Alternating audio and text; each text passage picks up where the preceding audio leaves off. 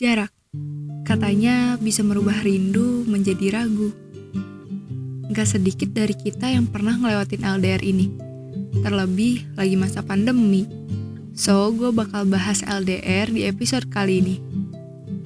Berantem setiap hari, tatap muka via layar handphone, dengerin suara tiap malam via call, bosen, capek, curiga, cemas, adalah hal lumrah bagi pejuang LDR, bukan?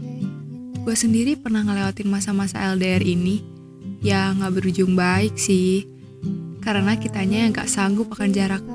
Padahal, kalau dipikir-pikir jarak itu indah. Kenapa? Setiap kata rindu yang dia ucapkan menjadi saksi. Bahkan, kuota berapapun udah nggak kehitung cuman buat video call atau teleponan setiap hari.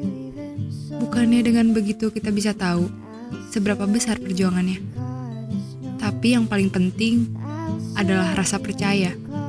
Percaya dia main sama temennya, percaya dia lagi sibuk sama keluarganya, percaya dia nggak selingkuh, percaya dia lagi apa aja di luar sana.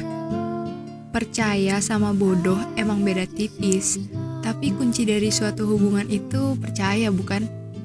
Karena komunikasi aja nggak cukup kalau dia atau kamu nggak punya rasa percaya. Banyak yang gagal dari hubungan jarak jauh ini lebih memilih menyerah sama keadaan. Tapi gak sedikit yang berhasil, berujung bersama dan menetap untuk selamanya.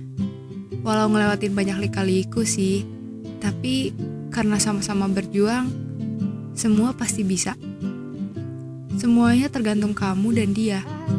Akan ada waktunya kalian dipertemukan, bukan? Dan pertemuan singkat ataupun lama jadi lebih berarti.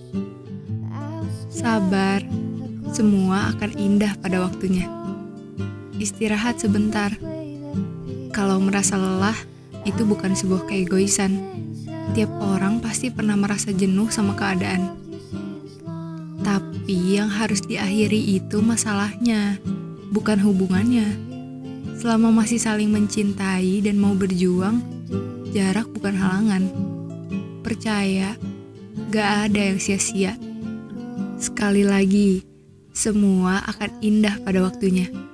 Mungkin gak sekarang, atau mungkin bukan sama dia. Mungkin nanti, atau dengan orang lain yang lebih tepat. Semoga. Semangat buat kalian yang masih berjuang sama hubungan jarak jauh.